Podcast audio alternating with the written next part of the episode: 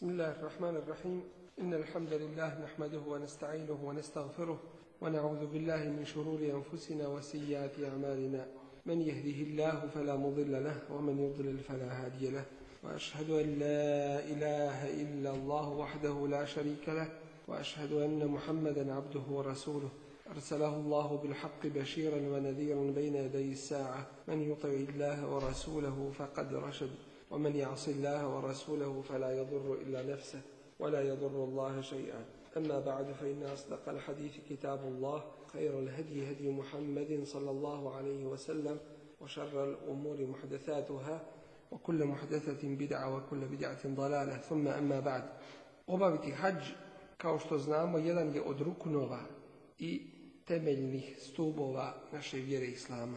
Uzvišen je Allah, kaže nam u Kur'an Kerimu, وَلِلَّهِ عَلَى النَّاسِ حِجُّ الْبَيْتِ مَنِ اسْتَطَاعَ إِلَيْهِ سَبِيلًا A na ljudima je prema Allahu obaveza da hađ obave posjeti njegovu kuću u određeno vrijeme onaj koji je u mogućnosti izvršavajući svakako tačno precizirani propise. Resulullah sallallahu alaihi ve sellem u hadisu nam kaže, opisujući nam tih pet rukunova Islama, bunijel islamu ala Hans. Islam je sagrađen na petero. Islam, dakle, je kao jedna građevina pored njega koji stoji na pet stubova. Šahadati la ilaha illallah wa anna Muhammad Rasulullah. Šahadatu, dakle, la ilaha illallah Muhammad Rasulullah wa iqami salati obavljanju namaza, uspostavljanju namaza, wa ita iz zakati i davanju zakata, wa savmi ramadane i postu Ramazana wa hađil bejti meni istata'a ilaihi sebila i u obavljanju hađa i ovaj peti, dakle, rukn i ovaj peti stup Islama, on je uslovljen time da je čovjek u mogućnosti to da obavi. Ovaj hadis ima dakle posebno jedno značenje, on je sahih svakako u Buhari i Muslimu se nalazi, ali on nam objedinjuje u sebi svih pet ruknova islama. Postavlja se ovdje pitanje šta je to uslov koji se postavlja kod hađa. Šta je to da je čovjek u mogućnosti da obavi hađa? Šta se po tim misli? To je da je čovjek u mogućnosti svojim zdravljem prvo. Jer ako ima, ako je slobodan put, ako, je, ako ima novca, ali zdravstveno nije u mogućnosti, onda ne može da ode. I to je kao prvi uslov u ovome. Zatim, da posjeduje od prevoznih sredstava i materijalnih sredstava koliko može biti da ode i da se, i da se vrati. Isto tako da ima kod sebe opskrbu koja mu je dovoljna za odlazak i za povratak nakon što obskrbi svoju porodicu za taj period koliko će biti odsutan na tome putu. Poseban uslov se postavlja kod žene prilikom obavljanja hađa, a to je da mora uzase imati mahrema, onoga, dakle, koji je u rodbinskoj vezi, s kim može stupiti u bračnu vezu ili sa svojim mužem, dakle, ići će na taj hađ. Načelno poznato je da imaju tri mogućnosti kako se hađ obavlja. Hađ kao propisi je jedinstven način, ali u pogledu odnosa hađa i umre dijeli se na tri načina. Mi ćemo ovdje objasniti čemu se radi, a onda ćemo jedan način, onaj najobičajniji, opisati kako se hađ u stvari obavlja. Rekli smo tri su načina. Prvi je način da čovjek obavi samo hađ. Hađ bez umre da obavi. Što većinom ljudi iz naših područja čine. I to zbog toga da ne bi morali kurban kret. A to svakako nije razlog da se obavlja samo hađ. To ćemo kasnije pojasniti. Druga vrsta je da obavi prvo umru, pa onda skine i hram, a zatim obavi hađ. I treća vrsta je da pod jednim hramima obavi ujedno i umru i hađ. Što se tiče ove treće vrste, a to je da pod jednim hramima obavi i umru i hađ, danas većinom ljudi to nisu mogućnost da obavi. Zbog toga što je potrebno da imaju sa sobom i kurbana da vode. Zbog uslova koji su danas, teško je to ostvarljivo da čovjek može učiniti. Dakle, u ovome slučaju obavi hađ, ali je pod nijetom i umre i hađa, pa mu se to ujedno broji. I umra i hađ mu se broji, ali spoji jedno s drugim. I to se zove hađu kiran. Spajanje, dakle, umre i hađa.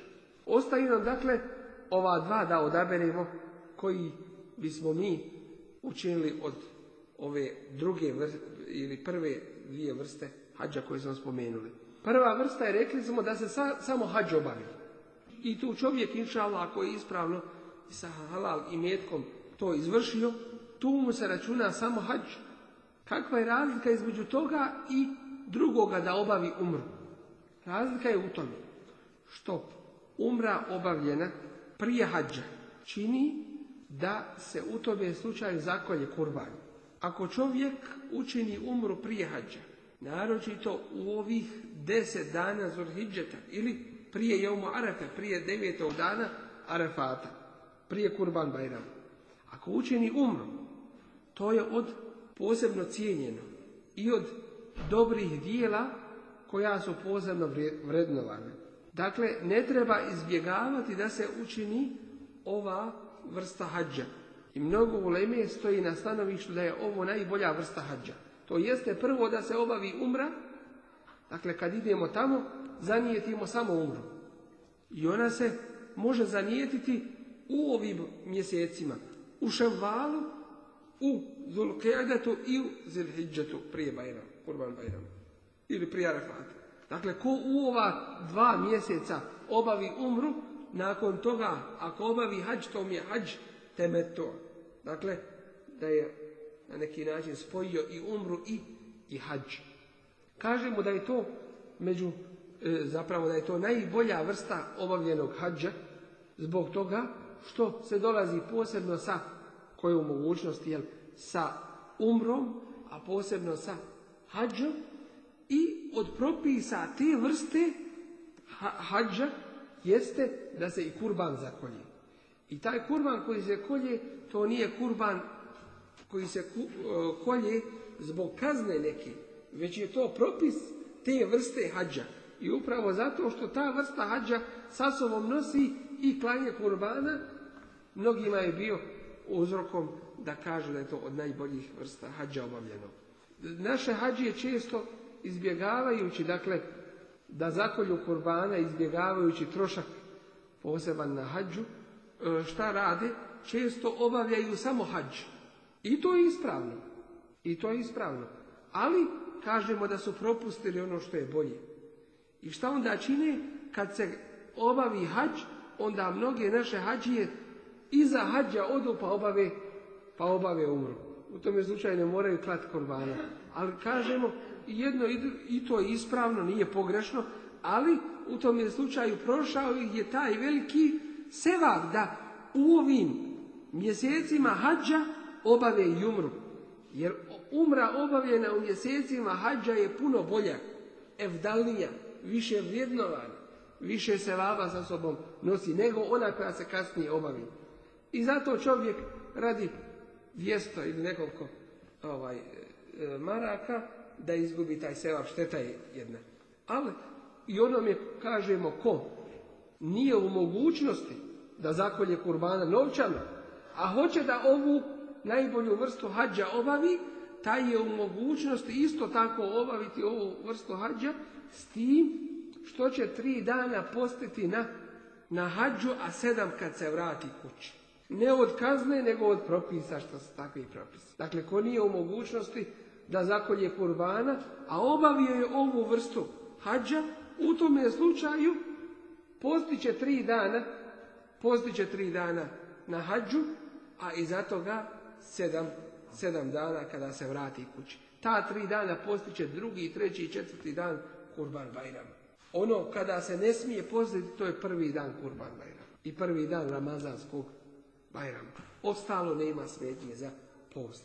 Dakle, onaj ko nije u mogućnosti materijalnoj da obavljajući ovaj ovu vrstu hađa, ovu Allah najefdalniju i najvrijedniju vrstu hađa, ko nije u mogućnosti da uz to zaklonje kurbana neka postoji tri dana na hađu i sedam kada se vrati kući. Resulullah sallallahu alaihi ve sellem je u pogledu hađa tačno precizirao mikate a mikat to je granica koju čovjek ne smije prijeći, a da nije obukao i hranu. Dakle, kad se dođe na to mjesto, oblače se i hranu. I svako mjesto iz koga čovjek dolazi ili svaka strana svijeta s koje čovjek dolazi, bilo kopnom, bilo morem, bilo vazduhom, čovjek kada naiđe na te tačno određene i precizirane mikate, dužan je tada imati hram na sebi i dužan je tada učiniti nijed za, za Tih mikata je pet. Zulhulejfa, kao jedan od najpoznatiji i za nas mikat, jer mi prolazimo preko Medine ili idemo na Medinu, pa taj mikat koristimo. On je udaljen od Mekke ili ta granica kada se oblače i hrami, e, možemo čak reći da je to najudaljenija granica kada gdje se oblače i hrami. Odmah je to dakle na izlazu iz Medine. Udaljen je od Mekke 428 km. I to mi ako boga da inšala isto ćemo uzeti i hrame i nijet učiniti za hađ. To zato jer Rasulullah ali sato selam kaže u svome hadisu hunne le hunne wa limen eta alejhinne min gajri To su mikati za stanovnike tih mjesta koje je pobrojao i za one koji naiđu tim putem, a nisu iz tih mjesta. Dakle, mi kad naiđemo putem Medine, u tom slučaju, u tom slučaju ćemo koristiti mikat stanovnika Medine, a to je Zulhulejfa. Imamo drugi mikat, samo ćemo ih na brzinu pobrojati, to je Džuhfe. On je udaljen od Mekke, ovaj Mikat, 186 km. Zatim imamo Jelemlem, oko 120 km je udaljen od Mekke. Zatim Karnul Menazil, oko 75 Datu Irkin, oko 100 km od, od Mekke je udaljen. Dakle, svih ovih pet mikata postavljeno je tako da kad čovjek naiđe na jedan od njih, na svome putu do Mekke dužan je tada da nijet učini i da ima na sebi i hrame. Kada čovjek dođe na Mikat, a nama će, kao što smo rekli, biti Mikat, Medina ili Zulhulejha, po tome što prolazimo kroz to mjesto. Iako, mi, iako često se dolazi avionom do Džide, koja je nekih 80 km od Mekke, ali to je samo usputna stanica do Medine. Dakle, tim se ne računa da mi idemo, da mi idemo, da se ide e, iz džide do meke, onda je dužnost, direktno dakle, onda je dužnost e, nijet učiniti i hrame na sebi imati u toku leta u avionu. Tačno oni naglase, sada se nije čini i sada se trebaju imati i hrami. Ali pošto mi ne namjeravamo odmah u Meku, već za Medinu, onda u tome slučaju ne oblačimo i hrame. Kad čovjek dođe na mikat, lijepo je, sumnet je, da se okupa i da se namiriši. To može učiniti na mikatu, ali nekada zbog velike gužve, zbog velikog priliva hađija, to može učiniti i ondje gdje boravi u Medini. I ne smeta da čovjek se okupa, da se namiriše i obuče ovu odjeću dok dođe na mikat, pa onda obuče hram. To ne smeta ništa, ne kvari mu taj sunnet, inša Allah, iako je bolje ako čovjek se može na zulhu lejfi to okupat, ali zbog velikog priliva, dakle, nema smetnje da to uradi i u Medini. Čak i u Medini čovjek može bez ikakve smetnje, može uzeti i hrame i obući, može čak i u Medini, nije tu činiti, ali je bolje po sunnetu da to učini na Zulhulejfi onda gdje Resulullah a.s. učinio nijed. Navedeno je od Resulullah sallallahu alaihi ve sellem da se on prilikom ihrama da se okupao. E, u hadisu koga spominje Aisha radijallahu anha i kaže kuntu tajibu Rasulallahi sallallahu alaihi ve selleme li ihramihi qabla en juhrim. Kaže ja sam Resulullah sallallahu alihi wasallam, mirisala za njegove ihrame prije nego što ih on obuče. Dakle, e, ovaj hadis je u Buhari i muslimu. U ovome slučaju vidimo e, prvo da je Resulullah ali wasallam po hadisu koji se spominje u Tirmiziji da se kupao za ihrame, a drugi hadis koji je u Buhari i muslimu naveden da je Aisha radijallahu anha posebno Resulullah ali sad sam pripremala za ihrame. Čovjek ono što ne smije učiniti, to je kada obuče ihrame i kada nije to čini, onda se ne smije mirisati.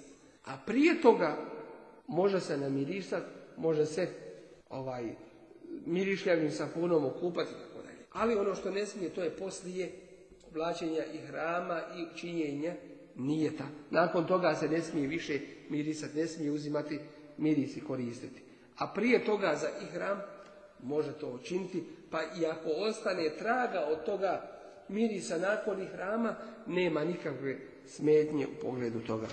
Isto tako tom prilikom, pošto će čovjek boraviti na putu, dakle ide za Meku već, e, tom prilikom je poželjno da čovjek e, odreže i nokte, E, i da očisti ispod pazuha e, ono što ima od nečistoće i na stidnim mjestima kako bi čovjek dakle u tome periodu i hrama koji znaju potrajati e, ovaj, zavisno od vrste hađa ali i po nekoliko dana ili od puta, vrste puta kako se ide tako da čovjek u tome slučaju ne ima ne ima neugodnih mirisa kod sebe i da taj ibadet bude onako kako je najljepše izvršen.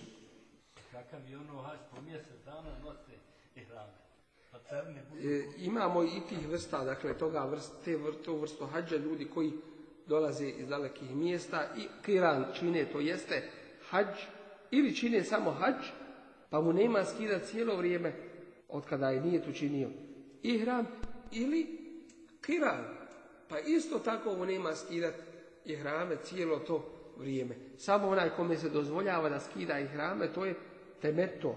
To jeste ko zanijeti umru, pa kad obavi umru, onda skine i hrame, okupa se, podreže kosu i čeka uoči dana Arefata, to jeste osmog Zulhidžeta, čeka taj termin i u Mekki onda obuče i hrame i zanijeti u Mekki bio učini, zanijeti hađ. Svi ostali, dakle, i onaj ko zanijeti samo hađ i onaj ko zanijeti kiran, to jeste da objedini i hađ i umru, oni ne skidaju I Cijelo vrijeme kad su zanijetili, dok ih ne skinu, ovaj, ili dok ne dođe vrijeme, to jeste do prvog dana kurban bajrama, drže na sebi ihrame.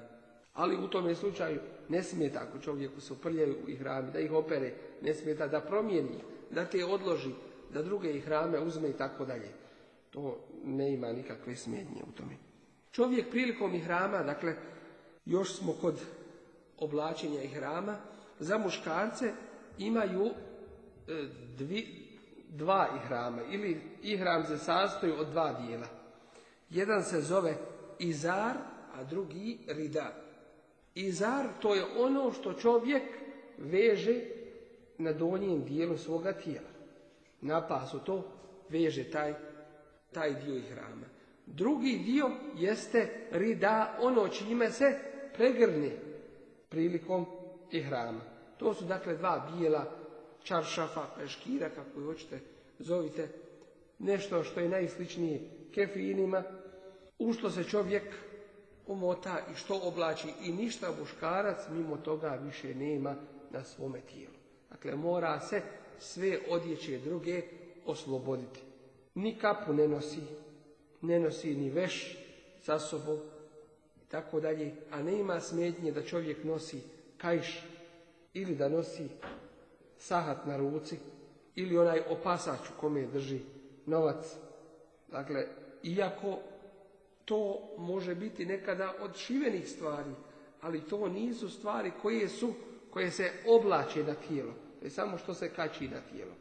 Dakle, isto kao što bi uzeo čovjek pa nešto ponio na sebi. Isto je tako i sa kajšem i sa tim e, ovaj, kemer, neko kazu, ili čemer e, svježega ovaj, pasa gdje će novac držati e, dokumente neke i tako dalje.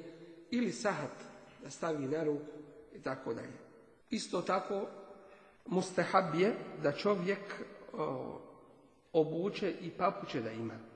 Dakle, da tom prilikom nije bos prilikom obavljanja hađa. Već da ima papuče kao što je navedeno u hadisu Resula ali sad sam koga bilježi imami Ahmed e, u kome resula ali sad sam kaže li juhrima ehadukum fi izarin wa ridain wa Neka svako od vas hram učini sa ta dva dijela ihrama, gornjim i donjim dijelom, i papućama.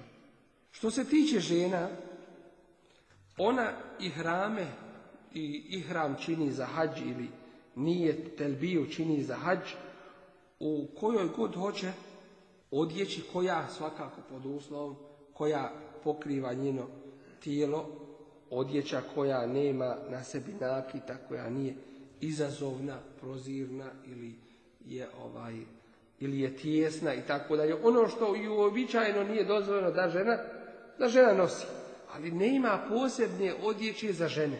Neke žene smatraju da ima posebna odjeća pa obuku bijelu odjeću i hrame ženske kako ih nazivaju i tako dalje. To nema svoje osnove. Ovaj, nego žena šta hoće obuće od, od svoje odjeće.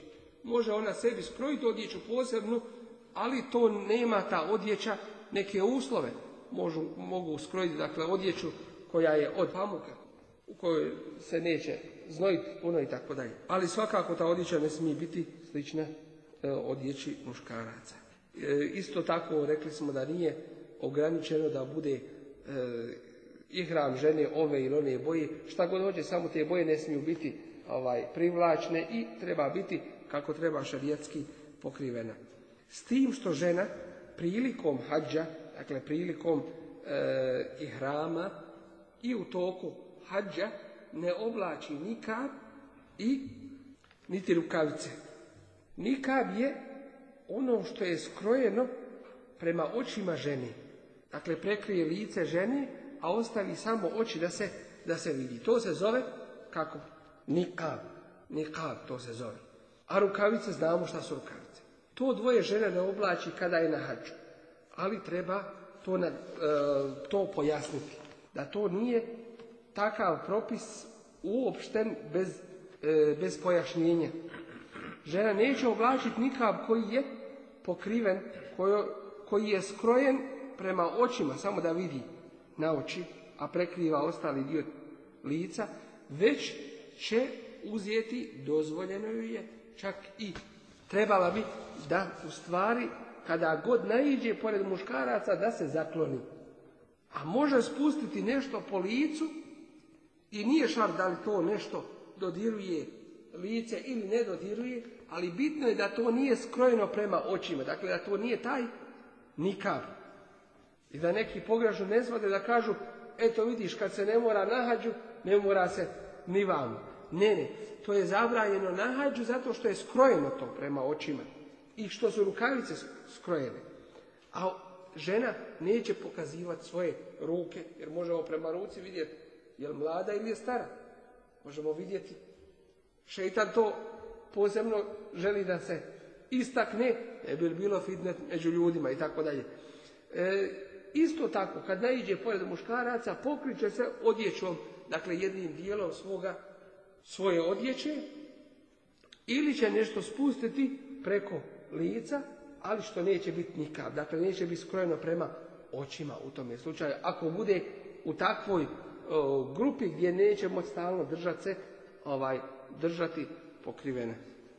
Ovo nam pojašnjava hadis koga, e, koji je zabilježen od Esme, kćeri Ebu Bekrove radijallahu e, anhuma, gdje kaže kunna nugati uđuhena minar riđali fil, fil ihram kaže ova ashabika, mi smo svoja lica pokrivali od ljudi kada smo bili u ihramu.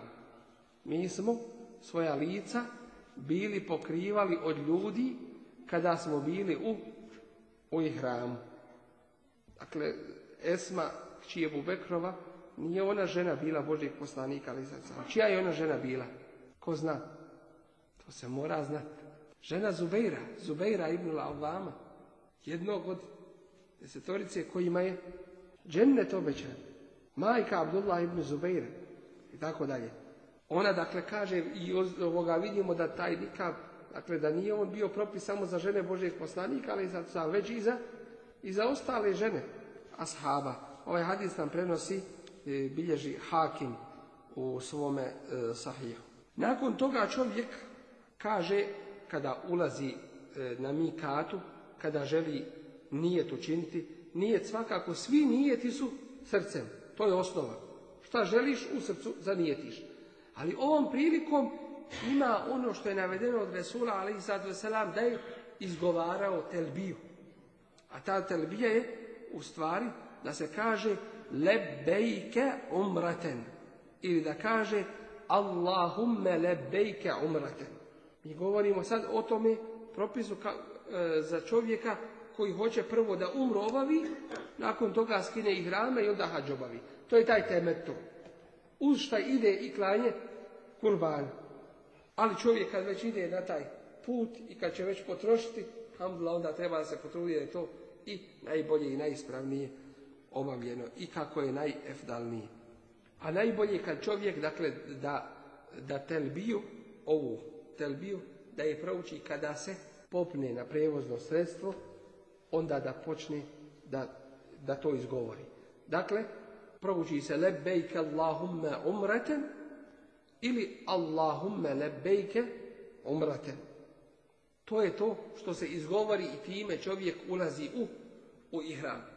Svakako, a već je obukao ihram na sebe. Mi ćemo inša Allah i praktično pokazati kako se ihram oblači, kako se nosi i tako dalje, kako se postupa kada je čovjek pod ihramom. Kod nekih ljudi postoji shvatanje da imaju posebno dva rekata za ihram. Ali to nije navedeno u sunnetu Rasula, i salatu wasalam. Dakle, ne imamo dva rekata koja se posebno klanjaju za taj ihram. Već čovjek kada uđe u ihram nakon parz namaza, dakle ako stigne na neki od farzova namaza, to je onda najevdali, da neki od farzova klanja na tome mikatu i onda zanijeti to je onda najbolje. Kao što je navedeno od Resulullah sallallahu alaihi ve sellem u hadisu koga bilježi imam i muslim. Postoji jedna mogućnost čovjeku koji se boji da će morati prekinuti hram. Čovjek ulazi u ihram i zna se da u tome hramu ne smije, o tome ćemo podrobno govoriti, ne smije ni jednu dlaku za tijela uščupati, ne smije nokte rezati, tako da ne smije odjeću oblačiti, tako da je drugu, mimo ih rama. Ali imamo ljudi koji u godinama su. Imamo ljudi koji su u godinama. Imamo ljudi koji su na neki način bolesni. Onome ko se boji da će morati u toku svoga putovanja ili prije nego što obavi hađ, da će morati prekinuti svoj ihram. U tome slučaju dozvoljeno mu je da postavi uslov prilikom nijeta. Da prilikom nijeta postavi, postavi uslov. Tom prilikom čovjek kaže In habisun Ako me nešto spriječi, on daje moje mjesto skidanja i hrama onda gdje sam spriječen. Kakva je korist izgovaranja ovoga prilikom i hrama?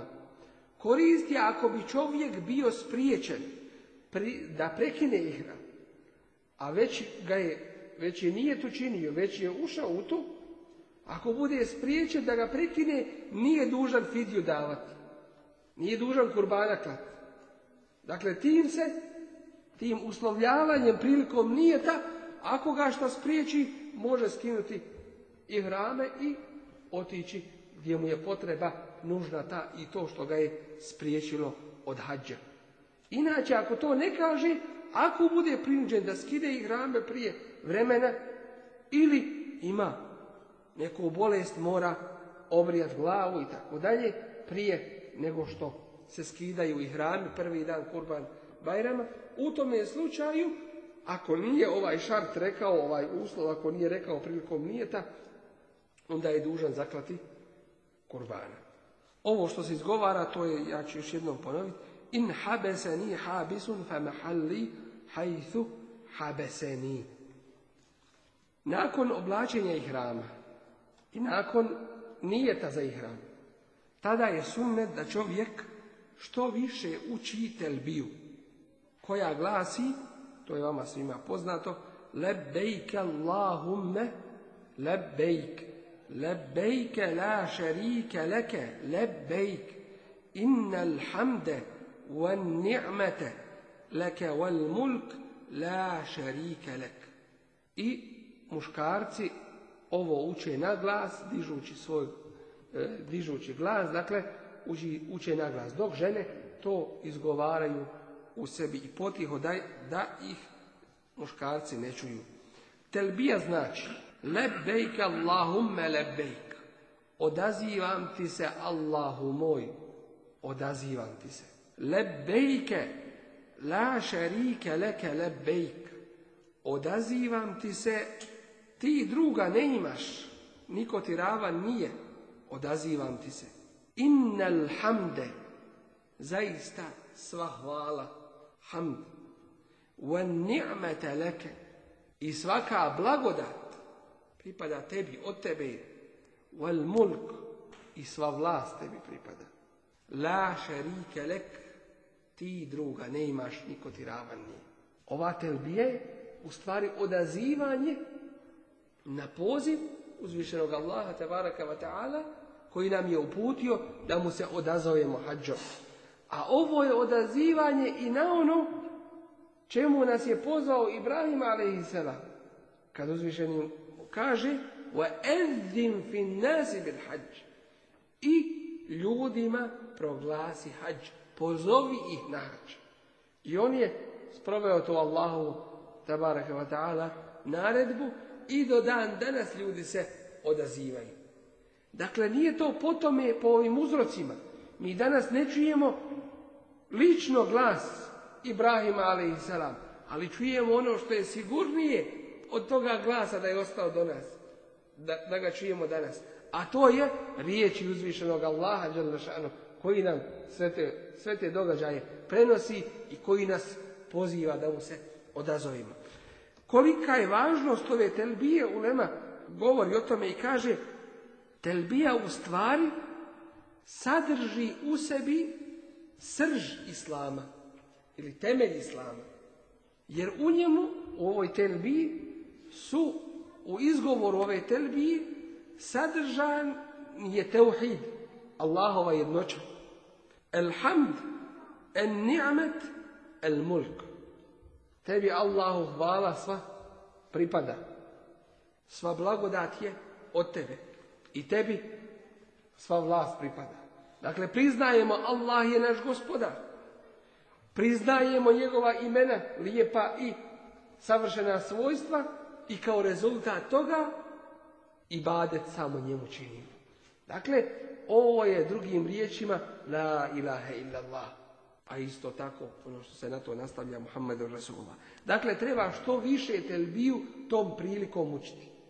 Što više telbije učiti kada se krene prema Meki. Kada se stigne do Kjabe, tada se prekida sa učenjem telbije. Dakle, telbija se ne uči prilikom tavafa ili kod dolaska kod Kjabe. Već samo dok se ne dođe do Kjabe. Ako je čovjek u mogućnosti, pokušat će da Dakle, prilikom prvog svoga dolaska do Kjabe, prije prvog kruga u Tavafu, da dodirne El Hajarul Esved, crni kamen. Ako je u mogućnosti to da učini. I to desnom svojom rukom. Da potare po njemu. A ako je u mogućnosti, onda je još bolje da poljubi Hajarul Esved. S tim što treba naglasiti da sve ono crno nije hađer lesved što se vidi na slici.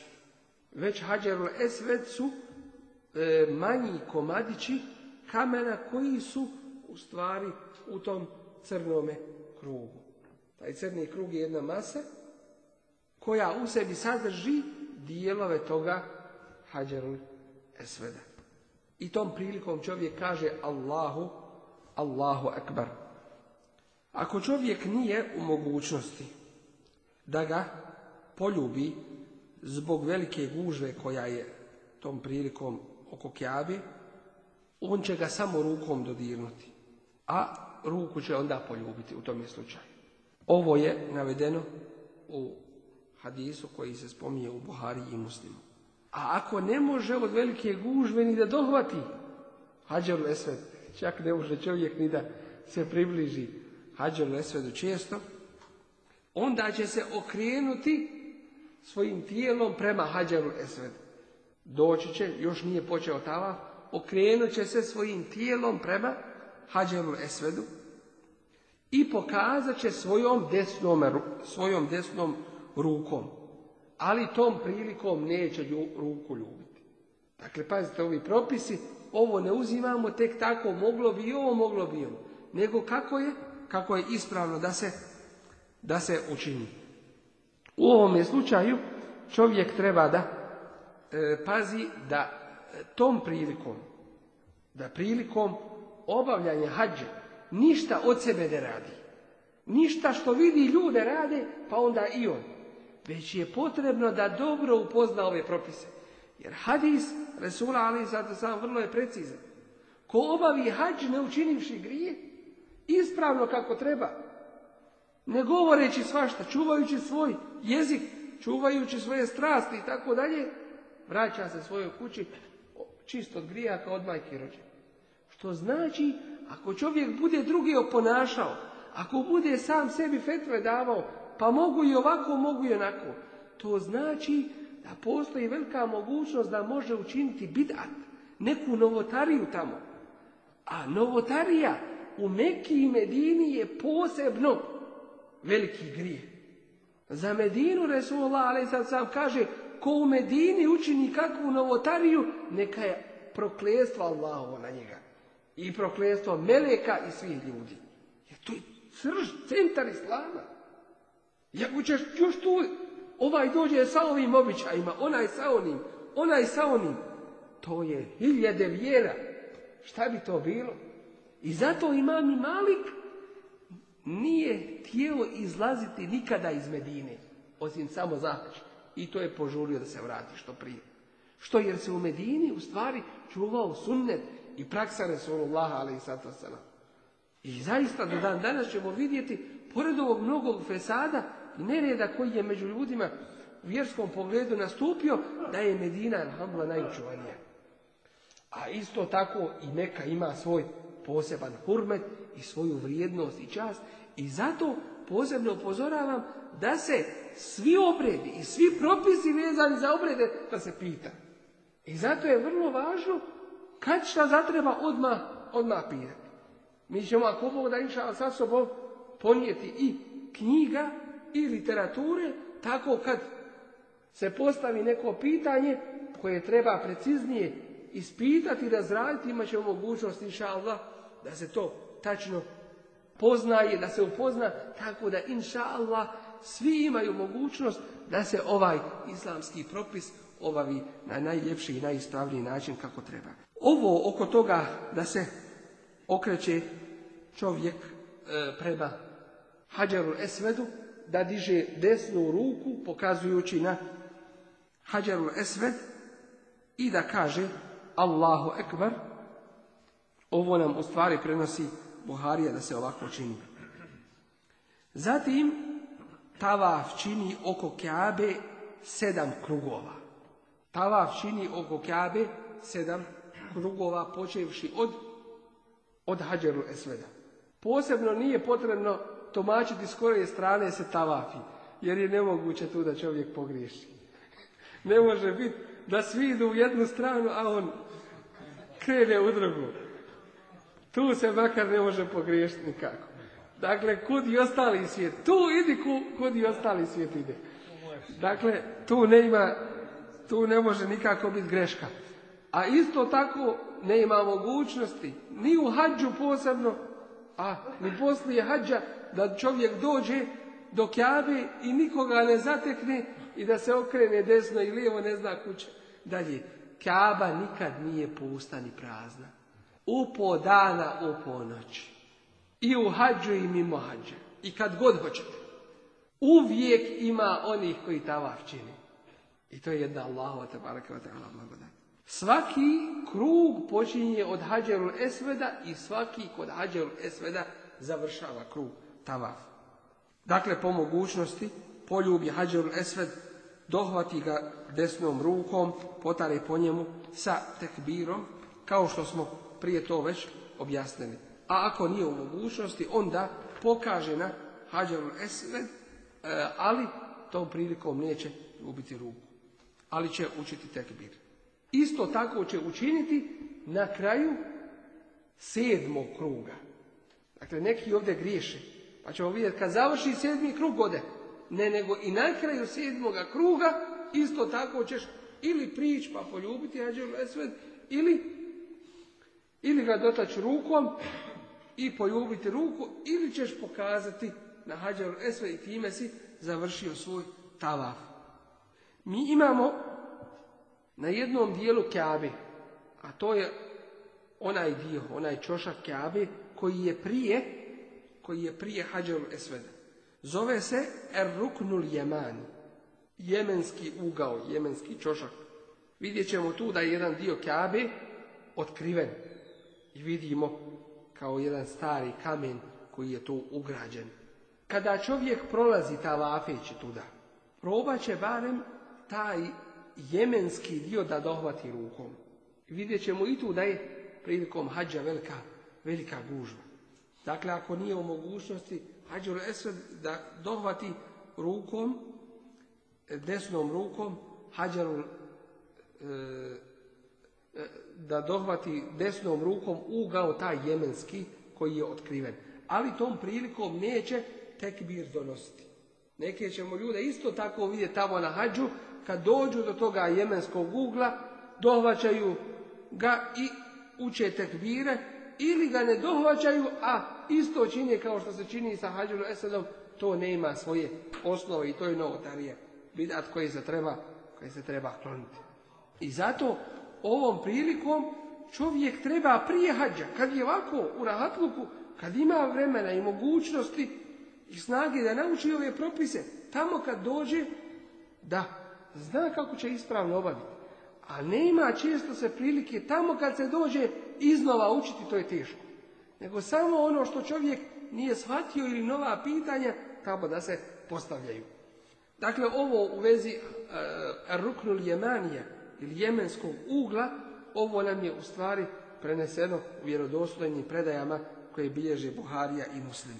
Ako čovjek nije u mogućnosti da dohvati ovaj jemenski ugao zbog velike gužve, onda u tom slučaju neće ni dizati ruku da pokaže na njega, niti će učiti tekbir, nego samo prođe tuda.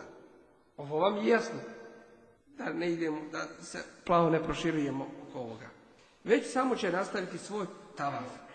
Mustahab je, lijepo je da čovjek uči u prostoru koji je između jemenskog toga dijela i hađarul esveda da uči nama svima poznatu dovu Rabbena atina fid dunja hasanatan wa fil ahirati hasanatan wa qina azaben nar.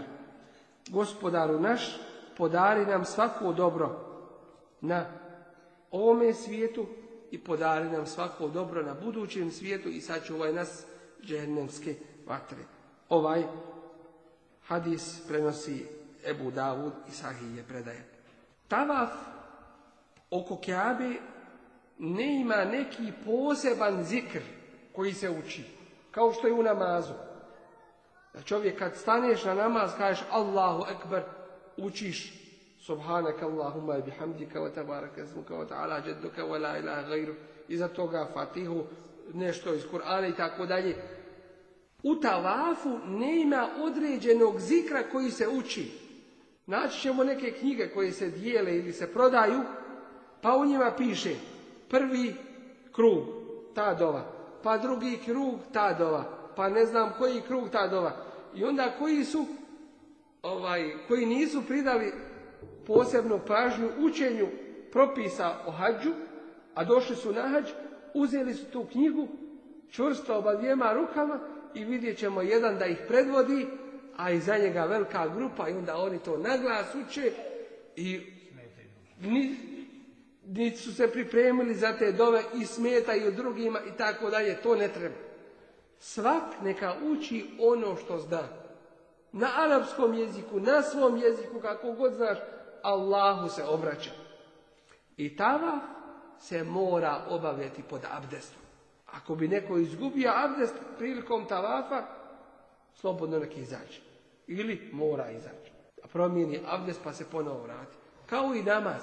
S tim, to je razlika između namaza i tavafa što čovjek za potrebu može govoriti na tavafu. Izgubio si svoga kolegu, bojiš se ovaj, svoga saputnika, bojiš se, izgubit će se, a u tavafu si možeš mu reći odi vamo, dođi tako dalje. Doći mu namazu ako progovoriš, gotov ti je namaz. Eho, to je mala razlika dakle, između namaza. Dakle, ovdje smo rekli da tavaf ne ima poseban određen zikr, osim onaj koji smo spomenuli u Ebu Daudu, u izbirci hadisa spomenut, da se uči Rabbena atina fi dunja hasanata wa fil ahireti hasanata wa I to između ova dva rukna. Rukn jemen, jemenski i rukn od Hađarul Esveda. Dakle, tom prilikom čovjek, prilikom tavafa, može učiti Kur'an. Šta znaš od Kur'ana? Jer to je najbolji zikr, Allahov govor. Jer kakav god mi zikr od sebe učimo, opet, to je naš, naš a uzvišeni Allah njegov govor je efdalni i njegov govor je bolji. I razlika između govora uzvišenog Allaha i govora našeg jeste kao razlika između Allaha i nas sami. To, je, to se ne može ni pored. I zato najbolji zikr je učenje Kur'ana. Onda čovjek može razne dove koje poznaje, može ih učiti. Ne smije da čovjek se podsjeti i ona zbirka dova svima vama poznata, posebno je ističemo i savjetujemo da se koristi, to je zbirka izabranih dova iz Kur'ana i Sunneta od Rahmetli Mehmed Efendije Hanđića. To je po obimu, ovaj, po broju stranica, mala jedna zbirka koja u sebi sakuplja dove iz Kur'ana i mnoge dove iz hadisa Resula alaihi Kaže, po obimu je mala, ali po svojoj vrijednosti i značaju je velika. I zato i to čovjek može uzeti i te dove da uči Allahova lipa imena 99, da ih ponavlja, svoje potrebe tu da iskaže, a što je najvažnije, da čovjek moli Allaha da ga kutariše griha, da ga, da ga učini čistim od griha, da uputi porodicu njegovu, da se smiluje mrtvima, da dadne nam svako dobro i na Dunjalu i na Ahiretu, da bude sa nama zadovoljan. I čovjek, ono što je spomenuto u Kur'an Kerimu, u suratul Bekari, ne smije svesti svoje dove na Dunjalu, Jer ima ljudi koji govore Rabbena atina fit dunija. A Kur'an kaže Oma lehu fil ahireti min Ima ljudi koji govore Bože daj ti nama na Dunjalu, A oni na Ahiretu neće imati ništa. Bože daj mi da mi krava to. Bože daj mi da mi njiva to. Bože daj da kupim kola, Bože daj da ovo, Bože daj da ono. I on plaće možda kad čini dovu. I zaista je iskren u tome, ali traži dunjaluk, zaboravio na ahiret. E, ne, nego traži Dunjaluk, nemoj zaboraviti ahiret, ahiret je preći. I zato ovo se dovi kaže, Bože podari nam svako dobro na dunjaluku i svako dobro na ahiretu i sačuvaj na ženecke vatre. Dakle, traži se na ahiretu i svako dobro i da sačuva od džernenske vatre. I zato čovjek u ovim dovama treba se pripremiti za ove dove. Nije to tek tako da čovjek bilo šta govori. Prilika, jedinstvena prilika, Mubarek mjesec, dani hađa, to su ešhurul hurum, sveti mjeseci u kojima je zabranjena borba, posebno mjesto, poseban ibadet hađa. Među najvećim ibadetima. Pa ko to ne bude iskoristio, Allah, onda šta ima poslije toga? I zaista treba to maksimalno iskoristiti. I pripremat se već odavde, prije nego što čovjek tamo i dođe. Još vezano za tavaf. Bitno je da se naglasi da je sunnet da čovjek u prva tri tavafa ubrzanije hoda u prva tri kruga tavafa, ubrzanije da hoda. I to se zove reml. Reml ubrzanije, ali kao da malo poskakuje. Dakle, neće ići brzo, nego približi korake, ali brže ide. Zato što je tako Resulullah a.s. radio u svome tavafu a zabilježeno je u Buharijinoj i muslimovoj zbirci hadisa. To zato što je Resulullah a.s. kada je potpisao ugovor na hudejbi, kada je bio spriječen sa ashabima da uđe u Meku i obave umru, sljedeće godine kada je došao, mušnici su namjeravali da napadnu muslimane prilikom tavafa, pa da ih tako dokreće. I onda je Resulullah a.s. ovaj, naredio ashabima, saznavši zato, naredio ashabima da ubrzanije idu i da u tome hodu pokažu svoju svježinu. Da su, da se nisu umorili da nisu iscrpljeni svojim putem. I mušici su ih posmatrali. Mušici su ih posmatrali i kada su vidjeli da su ashabi ovaj, da idu ubrzano, da se na njima nimalo ne primijeti teret puta, umor i tako dalje, odustali su od te svoje ideje da ih napadnu ili da ih zije tučine i da ih nekim zlom ovaj, da im e, se približi. To je ostao, dakle i do današnjih dana da se prisjećamo na to u čemu su sve i u kakvim su teškoćama ashabi Allahovog Resula ali i zato sam bili. I zato gledajmo i mi danas da najbolju sliku o islamu dajemo. Mi ne znamo ko nas prati i ko nas gleda. I, nemoj mi, I nemojmo u tome slučaju da svojim postupcima, ovim ili onim, da dadnjemo, ne daj Bože, nekada lošu sliku o islamu, onako kako ona nije.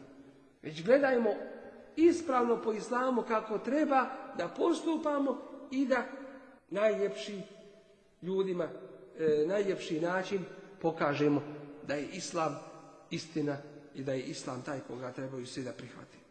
Dakle, čovjek treba da je pod taharetom, pod abdestom, prilikom tavafa, postavlja nam se još jedno pitanje, a to je kada čovjek posumnja u broj krugova koje je, ili broj koliko je puta obišao kjavu. Šta će u tome slučaju učiniti? Odgovor je da će tom prilikom računati onoliko koliko je siguran. Sumnja je li tri ili četiri, u tome će se osloniti na tri. Jer siguran je da je tri, a četvrti nije siguran. Pa će taj četvrti ovaj, učiniti.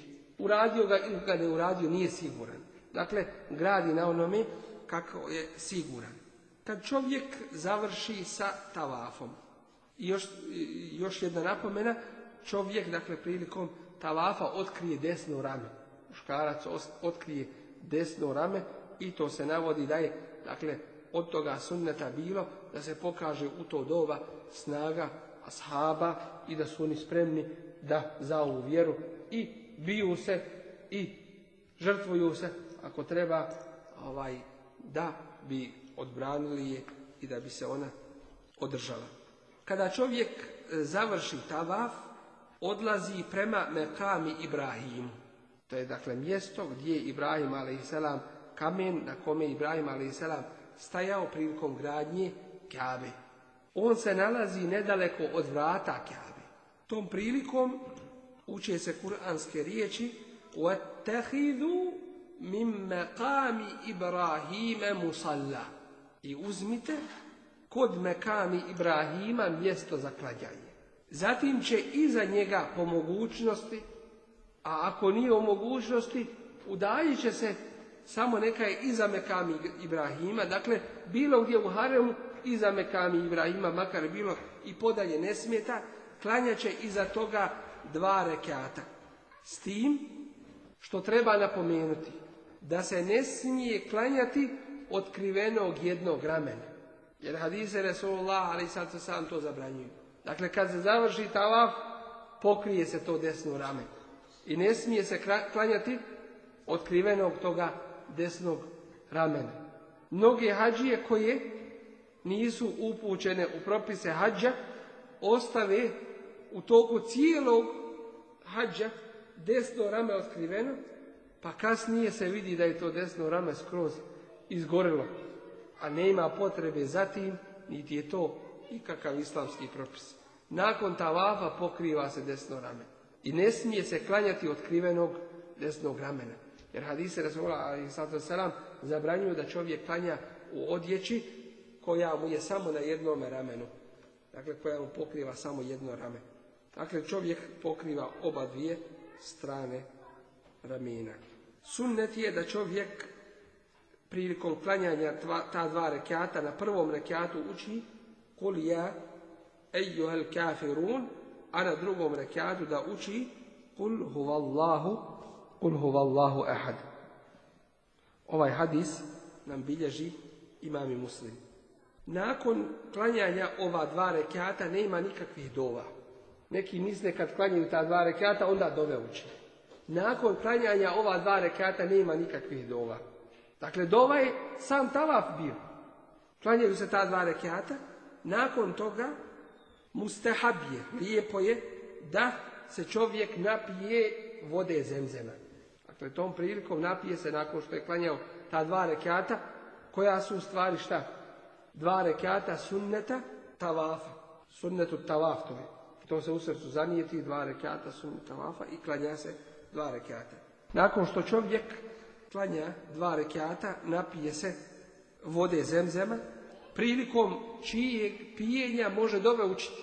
Kao što je dova navedena od Abdullah ibn Abbas da je učio Allahumme inni es'aluka ilman nafi'a wa rizqan wasi'a wa min kulli bela wa šifa'an min kulli da.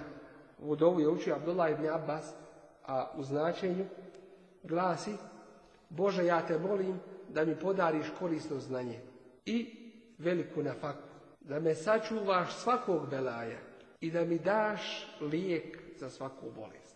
Obuhvati sve šta god treba čovjeku. Da ti da korisno znanje, da ti dadne veliku nafaku, da te sačuva svakog belaja i da ti dadne lijek za svaku bolest. Nakon toga čovjek ide do hađarul esveda i dodiruje ga rukom. Nakon što popije vode zemzema. I to je rivajet koji je naveden u muslimovoj zbirci hadisa. A ako to nije u mogućnosti zbog velike gužve, u tome slučaju ne ima nikakve greške, niti ima kakvog u tome slučaju propusta. Nakon toga čovjek bez nekog zadržavanja, nema zadržavanja između tavafa i saja, odlazi na, odlazi na mjesto koje se zove esafa. To je jedna uzvišica nedaleko od Kabe, u pravcu možemo reći Hadjarul Esveda, s koje čovjek počinje činiti saj. O saju, ako Bog inša Allah, progovorit ćemo sljedeći put propisima saja, tako da ćemo ako voda inša Allah uz ovaj teoretski dio završiti sa jednim praktičnim dijelom kako se oblači i i ono što je najpotrebnije oko hađskih obreda. Molim uzvišenog Allaha da ta'ala da nam pomogne u shvatanju ovih propisa, da ih kako treba ispravno i izvorno shvatimo, da ih primijenimo da to bude s Božijom pomoći uzrokom da hađ bude primljen onima koji dove čine da, da im se dove u Kabule, onima koji nisu još otišli da, da što prije odu sa Allahom ta'ala pomoći, a i svima ostalima da budu spomenuti u hajrdovama. Zakon Allah, la ilaha ila